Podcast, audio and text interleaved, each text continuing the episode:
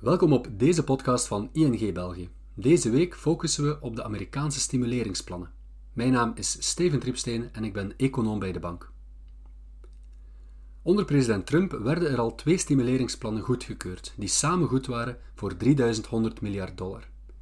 Ongeveer drie weken geleden slaagde de Biden-regering erin om nog een groot stimuleringsplan goedgekeurd te krijgen in het congres. Het plan was goed voor 1900 miljard dollar en geeft onder andere 1400 dollar in cash aan de meeste Amerikanen.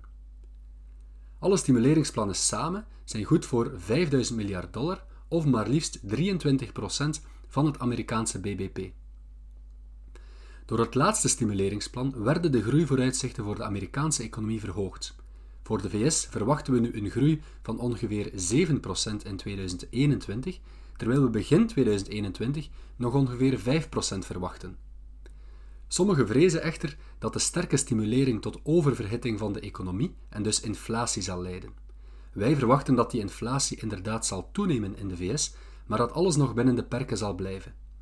Een beetje extra inflatie is bovendien geen ramp, het betekent wel dat de lange termijnrente vermoedelijk verder zal stijgen. We zien de Amerikaanse 10-jaarsrente voor het einde van het jaar de 2% bereiken. Het Biden-stimuleringsplan zou ook effecten kunnen hebben op de groei van andere landen via een hogere export richting de VS. Vooral Canada en Mexico zouden hiervan kunnen profiteren. Hun groei zou volgens de OESO e met ongeveer 1% kunnen verhogen door het stimuleringsplan van Biden. Voor de eurozone en China verwacht de OESO e een toename van 0,5 procentpunten. Al deze maatregelen zorgden ervoor dat de vraagzijde van de economie wordt ondersteund. Maar de Biden-regering is nu ook bezig met plannen om ook de aanbodzijde te ondersteunen en zo de potentiële groei te verhogen. Vorige week publiceerde het Witte Huis details over een plan die de Amerikaanse economie moet moderniseren. Het totale plan is goed voor 1900 miljard dollar aan nieuwe uitgaven dat zou gespreid worden over een periode van acht jaar. 621 uh, miljard eh, dollar zou naar traditionele infrastructuurwerken gaan, zoals het renoveren van het wegennet en publieke transport. Een ander groot deel van het geld zou gaan naar projecten om de klimaatcrisis aan te pakken. 213 miljard dollar gaat bijvoorbeeld naar het energie-efficiënter maken van woningen en 100 miljard om hetzelfde te doen voor publieke scholen.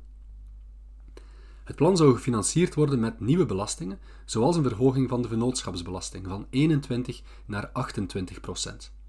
Deze totale operatie zou worden uitgevoerd over een periode van 15 jaar. En Biden wil zelfs na dit laatste plan nog niet stoppen. De verwachting is dat de Biden-regering in de komende weken met nog een plan komt ter waarde van 1000 miljard dollar.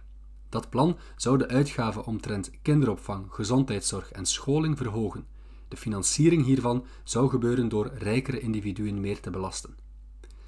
In Europa hebben we tot nu toe vooral maatregelen gezien om die vraagzijde te ondersteunen, maar in mindere mate dan in de VS. Daardoor zijn ook de groeivooruitzichten voor de eurozone minder optimistisch.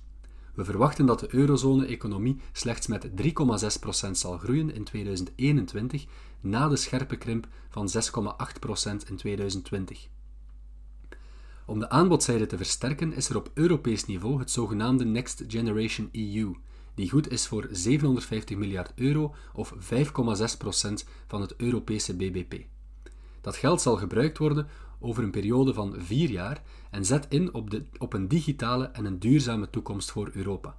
Momenteel is er echter wel wat discussie over dit plan. Het Duits grondwettelijk hof stopte de Duitse ratificatie vorige week, wat de intrede van het plan zou kunnen vertragen. Zo, dat was de podcast van deze week. De groeivooruitzichten voor de VS zijn dus beter dan die van Europa en dat wordt voor een stuk bepaald door de verschillen in fiscaal beleid. Bedankt om te luisteren en tot de volgende keer.